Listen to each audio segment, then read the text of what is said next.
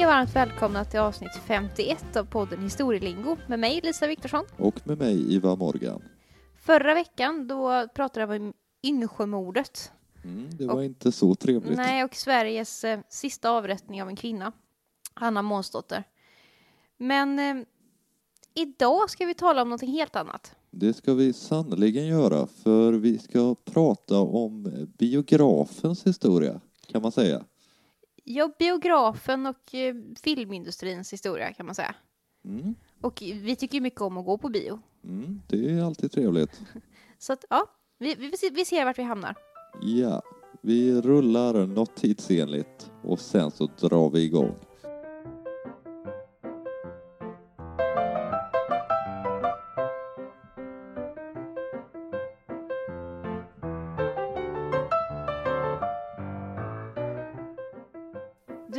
Tittat lite mer på alltså, biografen mm, historia. Det stämmer. För jag tänkte att vi skulle ta oss tillbaka till 1800-talets Frankrike och mm. börja prata om urbiograferna kan man nästan säga. Ja. För eh, det här med rörlig bild, det är svårt att veta exakt när det liksom slog igenom, på, eller vi vet när det slog igenom, men vem som egentligen var ansvarig för rörlig bild. För här i slutet av 1800-talet så, så är det väldigt många som håller på att experimentera med det här, till exempel Thomas Edison.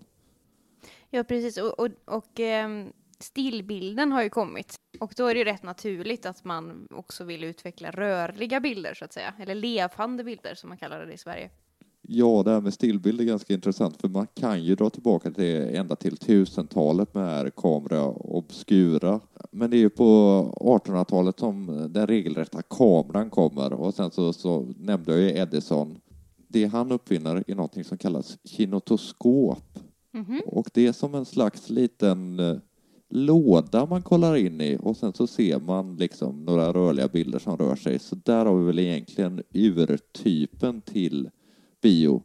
Men det är ju biografens liksom historia vi ska prata om. Mm. Och det handlar ju om att man ska kunna se film, många tillsammans. Exakt.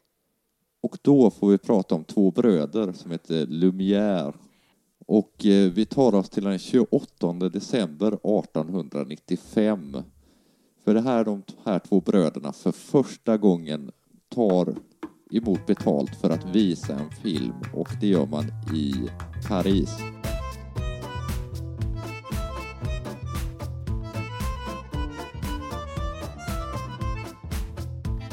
Självklart. Ja. Kultur, kulturhuvudstaden i Europa. Det får vi ju säga. Och eh, det är inte särskilt långa filmer de här första de visar. Nej, jag kan tänka mig det, att det var nog ganska korta kortfilmer, va? Mm, precis. Och det här gör man inte för att man har kommit, eller man gör det såklart för att man har kommit med något nytt, men tanken är att man ska kunna kapitalisera på det här, att man ska tjäna pengar. Så det är ganska taktiskt, man lägger liksom premiären till den 28 december mm. i mellandagarna. Folk är lediga, folk är ute och går. Och eh, man hyr en eh, sal som heter Salon Indien på ett café som heter eh, Capucines. Och där så, mm, så tar man helt enkelt betalt för att visa det man har kommit på, alltså filmer. Eh, och det här var mitt i Paris på, i ett kvarter på en boulevard där det var väldigt mycket liv och rörelse, mycket affärer och så, så att man tjänar storkovan på det här. Och det kan vi tänka sig att det var fantastiskt att se rörlig bild för första gången. Ja, det, det kan man ju tänka sig om man går och så kommer det reklam för att man kan få se liksom levande fotografier. Det är klart att det måste varit jättespännande.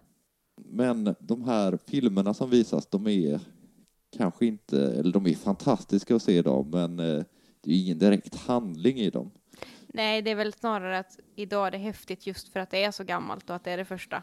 Ja, vi har till exempel en film som de visar hette La sortie de Lucerne, Lumière à Lyon, mm -hmm. som helt enkelt betyder arbetarna går ut ifrån Lumières eh, fabrik i eh, Lyon. Och det är det man ser också. Det är hela, hela storylinen. Det är hela storylinen och den är ungefär 40 sekunder lång. Sen så en annan riktig klassiker har vi La rive d'un train en eh, gare de la Ciotat. Och om jag ska översätta det här så betyder det ett tåg anlöper stationen i Ciotat. Och den har vi ju sett, eh, Mm. den filmen, och det är ju också hela storylinen. Precis, den är 40 sekunder lång ungefär och man ser tåget från Marseille lägga an i eh, den lilla staden La Ciotat som ligger ja, några mil eh, öster om Marseille blir det, längs kusten. Och eh, i den här filmen så ser man faktiskt eh, brödernas mamma, eh, Josefin till exempel, hon på perrongen. Och eh, den ena brodern som hette Louis, han hade en dotter också. Hon syns också på den här filmen, så de var några av de första filmstjärnorna får man väl nästan säga. Eh, och det ska väl sägas att eh, bröderna Lumière kom ifrån en väldigt välbärgad familj. För deras pappa, Antoine, hade byggt upp ett litet imperium och det hör man ju, han var ju fabriksägare märkte vi eftersom det var Lumière-fabriken i Lyon.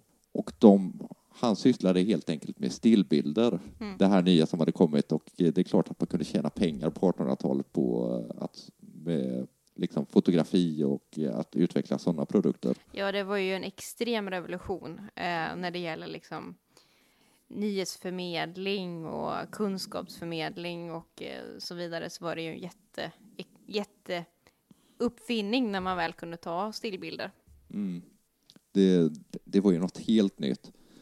Men som jag sa, de blev, eller han blev väldigt förmögen på det här. Och det gjorde att han kunde köpa ett sommarställe också. Och det gjorde han just i La Ciotat, den här lilla staden jag nämnde. Och där byggde de ett, eller han byggde ett 36 rum stort chateau. Det är rimligt. Det är väldigt rimligt. det hade jag också velat ha nere på, ja, det är väl inte riktigt Rivieran, men nästan. Ja, jag, jag hade kunnat godtagit det också för, för att vara nästan Rivieran. så, så, kan det duga med 36 rum, absolut. Ja, men den här staden då, La Ciotat, jag fokuserar lite grann på den här.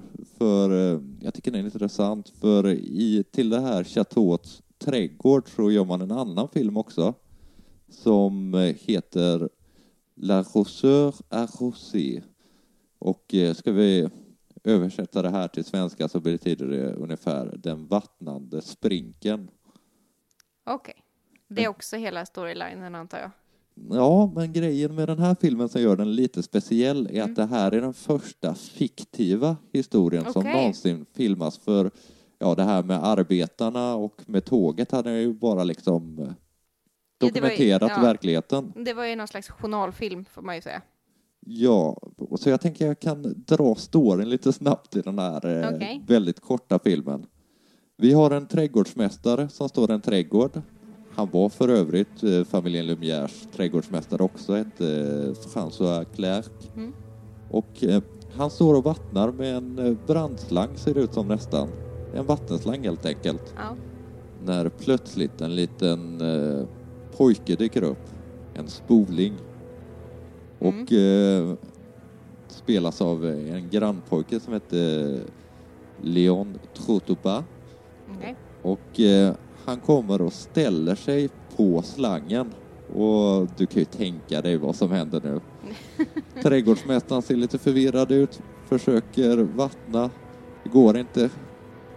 Kollar ner slangen och då Pojken släpper. pojken foten. släpper foten och eh, ja, hatten flyger all världens väg och han blir helt blöt och så. Så det, är, det är dels den första humorsketchen som har spelats in. Mm. Ganska enkel typ av humor får jag väl säga, men lite smårolig ännu idag.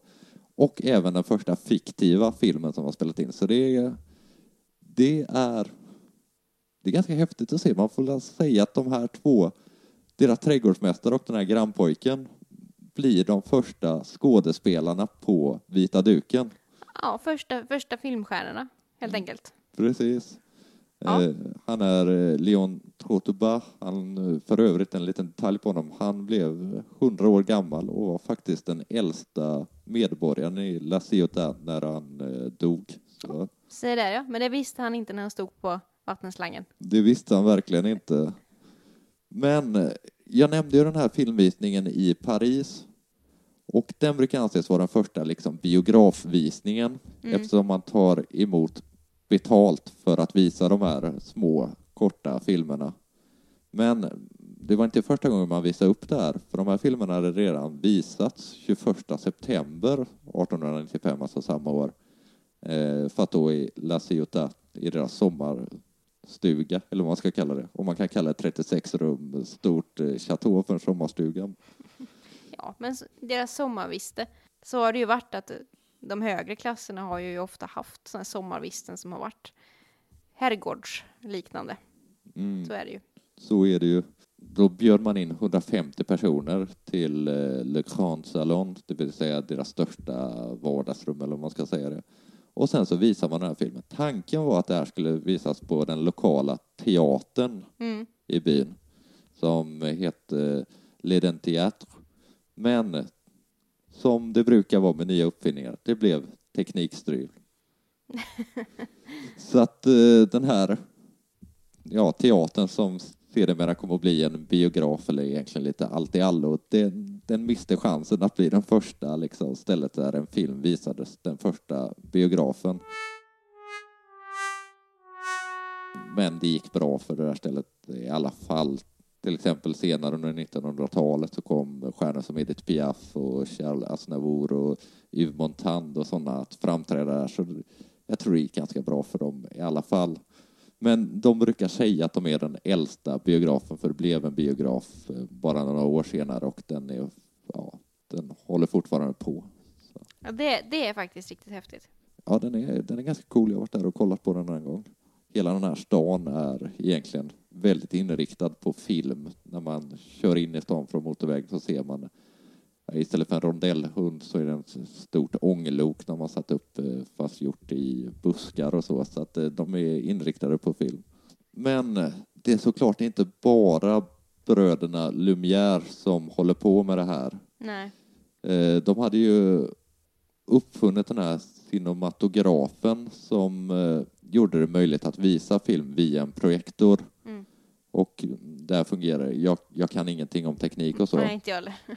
Men det fungerar ungefär som en symaskin i det. Liksom att eh, man kunde mata filmen framför en projektorlins och på det sättet så blir det liksom bild. Och det här Ja. var de först med. Jag tror många har nog sett eh, eh, sådana här cinematografer.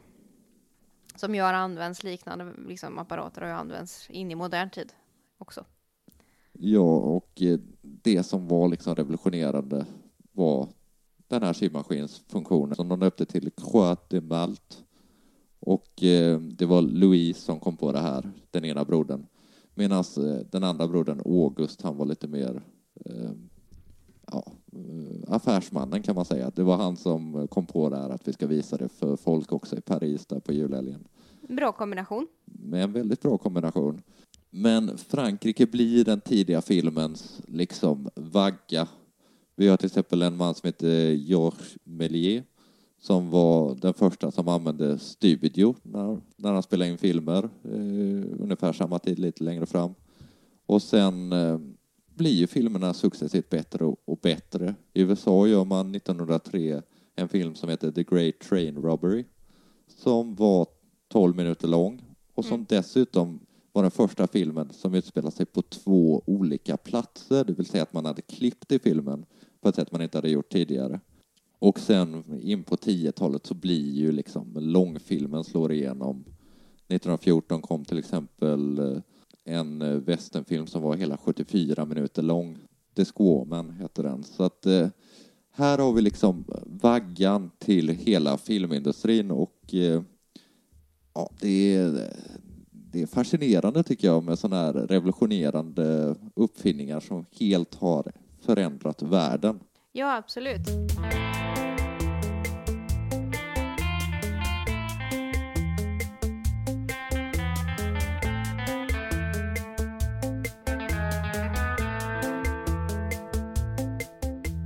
Ja, som, som vanligt när vi eh, gör research och, och så till, det här, till den här podden så eh, har jag lite spretigare storyline. Men jag tänkte vi skulle titta lite på bio, biografen i Sverige. Ja, gärna det. Det kan jag inte särskilt mycket om, så det ska bli kul att höra. Och jag tänkte vi kan börja med en liksom, kul kuriosa kring ordet bio. Mm. Eh, med tanke på liksom, historielingo så kan det ju vara roligt att prata om vart ord kommer ifrån. Och ordet bio, som vi använder för biograf då, eh, det börjar man använda redan år 1900 i Sverige. Ja, okej. Ja, det var ju väldigt tidigt. Men den roliga fakta med det här är att ordet bio används bara i svenska och danska samt isländska, färöiska och grönländska då, som ju är, har använts som låneord från danskan. Och ehm, det är lite roligt, för bio på andra språk betyder ju biografi i regel, Mm, men på, på svenska och danska så är det biograf, I Norge ser man ju kino till exempel. Och precis, och, cinema. och cinema på engelska. Ehm, så, så att Sverige och Danmark sticker ut lite. Men då tänkte jag liksom, du pratade om Frankrikes första biografer. Mm. Jag tänkte vi ska prata om Sveriges första biograf. Mm. Vi kan väl kanske säga också i det här avsnittet så vi har ju inte fokuserat särskilt mycket på USA eller Hollywood i vår research. Nej, det kanske blir ett senare projekt. Mm. Ja, det är lite, lite oklart så här, vad man ska kalla Sveriges första biograf. Mm. Första gången som man visar offentlig film i Sverige, det är inte speciellt långt efter Paris. Nej, okej. Det är redan 1896.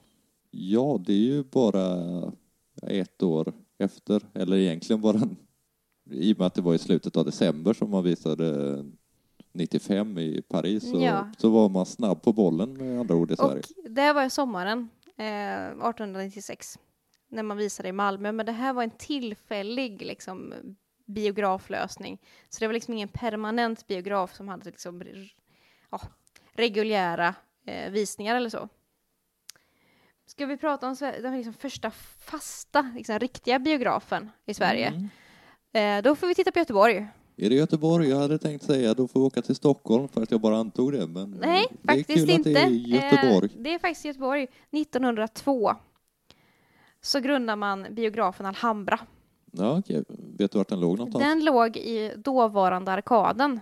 Mhm. Och för er som känner Göteborg så Gallerian Arkaden som finns idag på samma plats där dagens Arkaden eh, lig- ligger låg även då den gamla byggnaden som också hette Arkaden. Ja, okej. Så att Så eh, mitt i smeten. Ja, och det låg på källarplan i korsningen mellan Södra Hamngatan och Östra Hamngatan i Göteborg. Mm. Den blev inte så jättelånglivad, men den eh, existerade i 12 år och Ja. var väldigt populär. Och Ja, det kan man ju tänka sig. Det, det, det, det har vi varit inne på några gånger där, men det måste ju varit en eh, helt fullständig revolution att kunna se rörlig bild på det här sättet. Och då som nu så var arkaden ett liksom en galleria, liksom affärsgalleria, liksom affärskvarter. Så att Mm. eh, det var mycket folk som flanerade där. Men eh, som sagt, det är lite svårt att säga vad Sveriges första biograf är. För att det hände ju någonting under de tidiga två, två första decennierna av 1900-talet. Mm. För att det här blir ju superpopulärt att gå på bio. Och bokstavligen, höll jag på att säga, så poppar de upp som svampar i jorden okej. biograferna i Sverige. Så att eh, bara de närmsta åren efter Alhambra så, så kommer det fler konkurrerande biografer i Göteborg. Mm. Eh, och ja, dyker upp på andra platser också. Ska vi tala om den äldsta biografen som fortfarande är i drift i Sverige? Ja, gärna det. Ja, då får vi gå till Saga biograf i Kalmar. Ja, okej. Den invigdes 1906 och är fortfarande still going strong. Ja, okej. Nästan lika gammal som eh, Leden eh, Théâtre i La Ciotat. Ja, nästan. Så att man brukar ju ofta säga att Sverige är så långt efter med alla nymodigheter och så. Men när det gäller biografen så var man faktiskt väldigt snabb på, Mm, på bollen. Det, det får man ju verkligen säga. Men som jag sa så sker det ju en explosion, framförallt under 10-talet. Mm. Där liksom, det blir hur mycket biografer som helst. Och när 10-talet tar slut, alltså 1919, så fanns det 700 biografer i Sverige. Det är väldigt många. Det, det måste ju funnits en i princip varje stad och i större städer flera stycken. Ja, i Stockholm, Göteborg och Malmö så fanns det flera stycken. Som jag var inne på, i Göteborg fanns det flera stycken redan på det tidiga 1900-talet. Och det här var ju jätte, jättepopulärt. Mm. 1919 så hade man nästan 40 miljoner biobesökare på de här fördelat på 700 biografer. Det, det, det är ju väldigt många besökare och man får ju ta med beaktande att Sveriges befolkning var ganska mycket mindre då än vad den är nu. Och så bör man också ta i beaktande att radio och tv ju inte har kommit än. Ja, Så att, eh, självklart. det här var ju, det var ju teater och eh, konserter och eh, ballett och liknande och eh, biograf. Och biografen som var underhållningen liksom. Reklam på bio är ju någonting som man eh, är van vid idag, att, eh, att det alltid ska hållas på med reklam innan. Ja, det kan vara lite enerverande ibland. Ja, Så länge det inte är trailer. Jag tror inte att vi är de första som enerveras eh, av det, utan det här var någonting man började med redan på eh, re- Redan på 10-talet så började man göra reklam, alltså 1910-talet. Mhm. Och eh, den allra första reklamfilmen visas 1915 och eh, kändisar passade på att vara med i reklamfilmer och en av de första reklamskådespelarna i det här landet, vet du vem det var? Nej, kan det ha varit... eh, Nej, ingen aning. Evert Taube. Evert Taube alltså. En väldigt ung Evert Taube var med i diverse eh, reklamfilmer. Var det före eller efter han blev berömd? I samma veva, kan man väl säga. Ja, okej. Kanske hjälpte till, jag vet inte riktigt, men i varje fall. Jag- Jag backar tillbaka till, eller hoppar fram igen till 1919, för att 1919, som jag sa, 700 bio, bio, biografer, och 1919 är ett riktigt sånt här mm, vägskäl i svensk film. Mhm. För då händer någonting väldigt, väldigt, väldigt viktigt. Du talar innan om Hollywood och amerikansk filmindustri. Ja, precis. Som vi inte ska prata så Nej, vi ska inte tala om Hollywood, men vi ska tala om någonting som är minst lika coolt. Filmstaden i Råsunda. Ja, ja. Den känner man ju till. Det är nämligen så att 1919 så grundas det välbekanta AB Svensk Filmindustri, alltså SF. SF, ja. Och man köper en, ehm, ja, en stor tomt på fem och ett halvt hektar i Råsunda Ja, Och- det är, det är mycket land. och börjar bygga upp då eh, Filmstaden. Och eh, den här liksom, grundandet av svensk filmindustri det sker den 27 december 1919. Så det är liksom födelsen av svensk, svensk film kan man säga. Och eh, Filmstaden kommer ju att bli en central plats för svensk underhållningsindustri i många, många år framöver. Ja, det blir ju liksom navet i eh, allting. 1969 så flyttar SF ifrån Filmstaden. Mm. Men då har man ju spelat in film i 50 år. Ja, det, det är väldigt länge. Och man fortsätter faktiskt sen att använda ateljén och spela in filmer även efter 69. Så totalt har ungefär 400 filmer, långfilmer spelats in eh, i Filmstaden i Råsunda. Det, det kan man tänka sig. Tänk dig hur mycket tid det tar att göra en film. Tänk dig hur många arbetstimmar som har lagts med alla människor som varit involverade där ute i Råsunda. Och det är ju jättestora liksom, eh, ateljéer. Och jag ska säga också att det inte bara är långfilm, utan det har gjorts annan typ av film och tv-serier och så i, i Råsunda också. 2008 så flyttar man faktiskt tillbaka till Filmstaden, men inte för att spela in film, utan eh, för att ha som kontorslokaler. Så att F- SF eh, huserar just nu i, i Filmstaden igen. Det är lite fint tycker jag. Mm. Och eh, man sprutar ju ut filmer, framförallt under 30 och 40-talet så är det ju filmer på löpande band. En av de liksom, tidiga stora succéerna, det var ju Körkaren. Mm. Selma Lagerlöf. Mm. Men det var ju en, ja, en stumfilm. Ja, och den eh, anses av många filmkritiker vara en av de bästa filmer som har gjorts någonsin, vet jag. Jag har dock inte sett den själv. Nej, eh, det är väl skam att säga, men jag har inte heller sett den. Eh, Men den blir ju en jättesuccé. Och det blir liksom en internationell film på ett sätt också. För det var ju det starka med stumfilmen, att det kunde ju spelas över hela världen. Det var ju Mm, liksom precis. något universellt med det. Men 1929 så gör man den första ljudfilmen på Filmstaden. Ja, och då får vi kanske förklara eh, för om vi har några unga lyssnare att stumfilm då inget ljud och sen så har man liksom textrutor emellan olika scener som förklarar eller med repliker och så. Och sen så är det Ja, ofta fa- precis, fast, fast inte samtidigt som man ser bilden, utan det liksom kommer upp en svart, helt svart skärm med text på. Så. Ja, och, och för att eh, liksom eh, få in lite ljud i det här ändå så hade man ofta en eh, pianist som satt och spelade till. Ja, som sagt, det var ju levande musik. Mm. Som skulle liksom ja, dramatisera filmen helt enkelt. Så var det ett actionfyllt parti så spelar man något snabbt och spänningsfullt. Ja. Ehm, det var säkert ett ganska roligt yrke kan jag tänka mig att vara biografpianist. Ja, det är väldigt kreativt.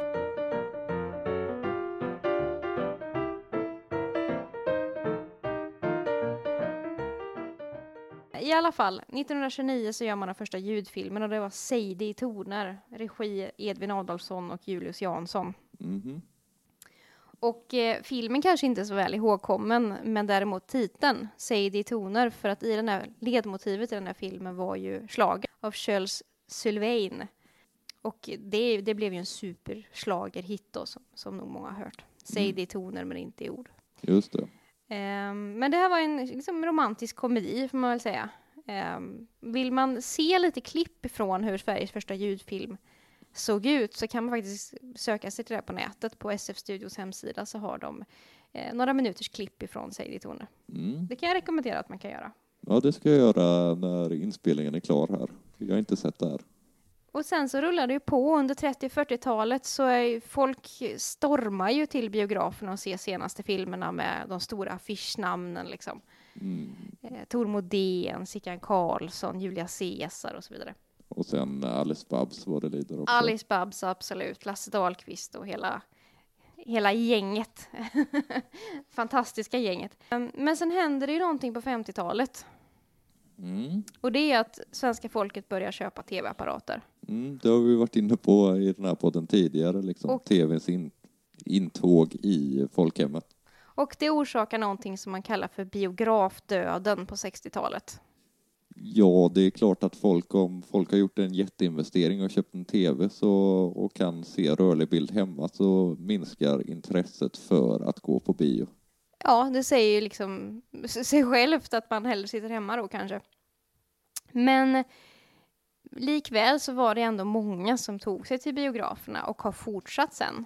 Eh, trots att vi idag lever i ett tidevarv där man kan strömma allting i tel- mobiltelefonen om man så vill, så fortsätter ju folk att gå till biograferna och eh, köpa biobiljetter. Mm. För upplevelsens skull och för att få se de nya storfilmerna. Jag glömde kanske säga, men när man grundar Filmstaden Mm. så är det ett känt namn som vi kanske ska ha med, som inte är så känd för film. Men en av de största finansiärerna till Filmstaden var faktiskt Ivar Kryger. Mm. Det kan vara intressant att flika Tänd, in. tändstickskungen. Exakt, då, 1919. Ja, sen så skulle det ju inte gå så bra för honom Nej, senare det, i livet. det gick men- ju ut för, så att säga, för honom. Ja, men då undrar man ju liksom, vad, vad är den största succén som Filmstaden har gjort? För det är ju extremt många liksom, svenska storfilmer som har spelats in i Filmstaden. Mm. Och ehm, den största succén det är att angöra en brygga med AB Svenska Ord står bakom. Ja, det vill säga Hasse och Tage. Hasse och Tage, det är Birgitta Andersson, Monica Zetterlund och eh, Hatte Furuhagen och Gösta Ekman som är med i den här. Och det, ja, väldigt skruvad komedi som vi har varit inne på flera gånger tror jag tidigare i den här podden. Mm. Pratat om. Fantastisk film tycker jag. Och den kom då 1965 och den hade hela 1 955 725 besökare. Ja, det är många. Det är väldigt många. Det är väldigt många. Och om man tittar totalt på svenska filmer, för att det, vi ska ju säga att SF har ju inte monopol, utan det görs ju filmer av andra filmbolag också. Mm. Och eh, man ligger, att angöra en brygga ligger tvåa. Vet du vilken film som ligger etta? Jag tror jag har stött på det här någon gång tidigare, men eh, du får rätta mig om jag har fel. Men jag säger Sällskapsresan. Ja, det är Sällskapsresan, Lasse Åberg. Och det är inte så jättemycket som skiljer, men han har eh, ja, 50 000 fler besökare ungefär. Men om man tittar totalt på topp 10 mest sedda biofilmer i Sverige, alltså svensk, svenska filmer, eh, genom hela historien. Så på topp 10 så är sju producerade av SF. Eh, så att eh, SF är väldigt viktig ryggrad i svensk underhållning. Mm. Det får man ju säga. Men jag tänker att vi kan inte prata om film. Vi har pratat om ljudfilmen när den kom. Och det var ju lite problematiskt när ljudfilmen kom eftersom att som jag sa, Körkaren hade ju varit en internationell succé. Mm. Men nu pratar man helt plötsligt svenska och då Ja, då fattar ju ingen vad man säger. ingen. Så det, det blev ju en liten dipp. Det var ju lite problematiskt för svensk film när när ljudfilmen kom, men man har ju hämtat sig och gjort storfilmer ändå. Och inte minst för många skådespelare, bara för att man är duktig liksom teatral med sitt kroppsspråk och man kan spela på det sättet betyder inte att man är en duktig röstskådespelare samtidigt. Så det var ju många stumfilmsstjärnor i den här perioden, eh, både i Sverige men även kanske framförallt i USA, som helt enkelt fick sluta och ge plats till folk som var duktiga på bägge delarna. Ja, jo, så var det ju. Sen, om man ska säga några ord också om nästa stora tekniska revolution i filmvärlden så får ju det vara färgfilmen. Mm. Jag tänkte bara kort säga att man, under det riktigt tidiga 1900-talet, strax efter Lumières liksom, premiärer i Paris, så börjar man experimentera med att man målar direkt på negativen, att man målar liksom direkt med, med för hand med Mm. olika färger och så. Men det, det är många försök som misslyckas. Mm. Det första gången man lyckas det gör man i England. 1908 kommer den första färgfilmen och det är Visit to the Seaside. Ja, okej. Mm. Kan man tänka sig att det är någon som åker till stranden? Sen sa jag förut att Sverige var snabba på att eh, haka på trender. Mm. Det var man inte i det här fallet. Nej, okej. Utan det Vilken kom- var den första då? På Det- i Sverige? Ja, det kom att dröja till 1946 och det var Klockorna i Gamla stan. Mm, just det, en klassisk film. Med Edvard Persson i huvudrollen med väldigt, väldigt, väldigt mycket musik i. Eh, Ja, det var ju ofta det när han var med. ja, och jag, jag har sett den. Ja. Ehm, för det är kul att ha sett Sveriges första färgfilm. Kommer kanske inte se om den, men jag har sett den i alla fall. Ja. Så, så kan vi säga om den. Men den hade i alla fall premiär på Saga biograf i Stockholm den 30 december, dagen innan nyårsafton eh, 1946. Mm. Men eh, nu har jag suttit och pratat väldigt mycket om Filmstaden. Vi kan inte ha ett filmavsnitt där jag har tittat på svensk film utan att nämna liksom den kanske mest produktiva, eller en av de mest produktiva i Filmstaden. Då tänker du såklart på uh, Regissören, Ingmar Bergman. Ja, det, är det, demonregissören. Ja, precis. Eh, han gjorde, gjorde ju extremt mycket film under sitt liv och allt var inte med i samarbete med SF och sen gjorde han teater. Han gjorde, han gjorde allt den mannen. Radio, teater, allt möjligt. Och vi kan väl säga också att han gjorde ganska mycket film med skiftande kvalitet. Han gjorde väldigt många storverk men han eh, gjorde en del ganska pajiga filmer också. Ja, så, så är det ju absolut. Men han gjorde extremt mycket film. Och han gjorde mycket film på Filmstaden i Råsunda. Hela 25 långfilmer gjorde han. Oj, det var många. Och han var aktiv under en lång period också vid Filmstaden och parallellt med att han jobbade på Filmstaden så gjorde han ju andra eh, jobb också så att säga. Så han var ju inte helt liksom. Nej, nej, han var ju Bunden. till exempel chef på Dramaten länge. Ja, och sen ja, han, han har varit på nästan alla stadsteatrar tror jag i det här landet, många i alla fall. Eh, men mellan 44 och 71 så gör han film i Filmstaden. 25 stycken. Mm, det är många. Och eh, den första han gör, det är Hets. Mhm. Och den gör han ju inte själv ska vi säga. Han gör inte regi utan han står för manus i filmen Hets. Mm. Och den är någon slags eh, film om pedagogik, va? Eller? Det är skolans värld. Eh, pedagogik, eh, Ja, ja, det var, det kan dålig, man väl det var en säga. dålig formulering. Det Eh. handlar väl om en riktigt hård och eh, ja, inte särskilt älskvärd lärare. Ja, psy- psykopatiskt agande lärare kanske, jag ska säga. Den är, det är en väldigt bra film, men den är otroligt hemsk. Tragisk. I alla fall, det var den första. Och den sista han gjorde var Beröringen från 71. Men jag tänkte så här, bara nämna att för, för det Bergman har gjort har ju en extrem katalog. Mm. Och några verk är kändare än andra. Mm. Det finns ju... Och eh, utav de här 25 filmerna så är det några av hans absolut största succéer som har gjort att han också kunde göra de här framgångarna som han gjorde och kunde göra så mycket film. För att kunna göra film, det kostar pengar och det gäller det att man, Av finansiärer. ja, och fin- det får man genom att göra bra film. Mm. Ehm, jag är väldigt förtjust i Ingmar Bergman Mm. och har sett, vågar jag påstå i alla fall, eh, majoriteten av hans eh, grejer. Så det är, lite, det är kanske lite nördigt för folk, jag vet inte. Men det kan väl vara roligt att veta i alla fall att några av de här riktiga klassiska Bergman-filmerna faktiskt är inspelade i studio i Råsunda, Mm. Filmstaden. Eh, Det sjunde inseglet, är den Det inspelad? är sjunde inseglet, absolut. Då pratar vi naturligtvis inte om exteriören, men det förstår ni ju. Mm. Sommaren med Monica, Mm. eh, Persona, Just det. Sommarnattens leende, Vargtimmen, Mm, Ja, den är, Eh, den är obehaglig. Bergmans skräckfilm. Eh, den tycker jag man kan se eh, om man vill bli väldigt rädd. eh, Skammen, som nog får jag säga kanske är min, min personliga favorit Bergman-film. Mm. Men eh, han gjorde även sin trilogi, väldigt berömda trilogi, som ju blev väldigt stor. Eh, så som en spegel, Tystnaden och Nattvardsgästerna. Den trilogin gjorde han också. Eh, I i Råsunda. Ja. Så att det, det, var, det var lite Bergman-nörderi, men, eh, men det är lite roligt att han att de här liksom, allra största filmerna han gjorde faktiskt gjordes i, med svensk filmindustri i ryggen. Det var väl det jag hade om, om svensk filmindustri. Vi kom lite bort ifrån biograferna, men eh, ja, Ja, det går ju hand i hand där. Och eh, Ja, för vi, det kan vi säga liksom att svensk filmindustri har ju ägt en väldigt stor andel av svenska biografer eh, under årens lopp, så det, det hänger ju ihop. Ja, Och eh, biobesöken kan ju finansiera produktion av nya filmer. mm. Delvis, det finansierar det med också. Men... ja, det är väl eh, biobesöken som är liksom den största kassakon på något sätt. Även om man såklart tjänar pengar på filmerna efter att de har haft premiär också nu i dessa dagar via streaming och uthyrning. Tidigare via VHS-band och DVD-er och sånt. Eh, Men även att liksom sälja till tv för att visa. Men det är ju liksom via premiären på biograferna som man spelar in de mesta pengarna. Ja, och så är det ju fortfarande. För det är inte helt gratis att gå på bio, Tyvärr. tyvärr. Ja, ehm, nej men hade du något mer? Nej, egentligen inte. Det, det blev ett ganska spretigt filmavsnitt det här. Mm, nej, jag tyckte att det, det var intressant. Och jag lärde mig mycket om svensk film. Vi får hoppas att det är fler som tycker att det här är intressant.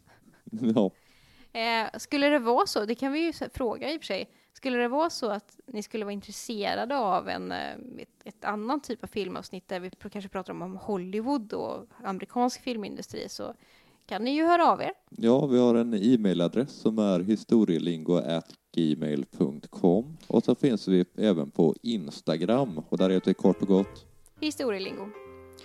Och eh, det får ni gärna hänga med för det, där händer det lite av varje. mm, Men ska vi låta det vara slutord för idag? Det tycker jag att vi kan göra. Så hörs vi igen om en vecka och då med någonting helt annat än film. Precis. Så ha det bra till dess. Ha det så gott! Hej. Hej.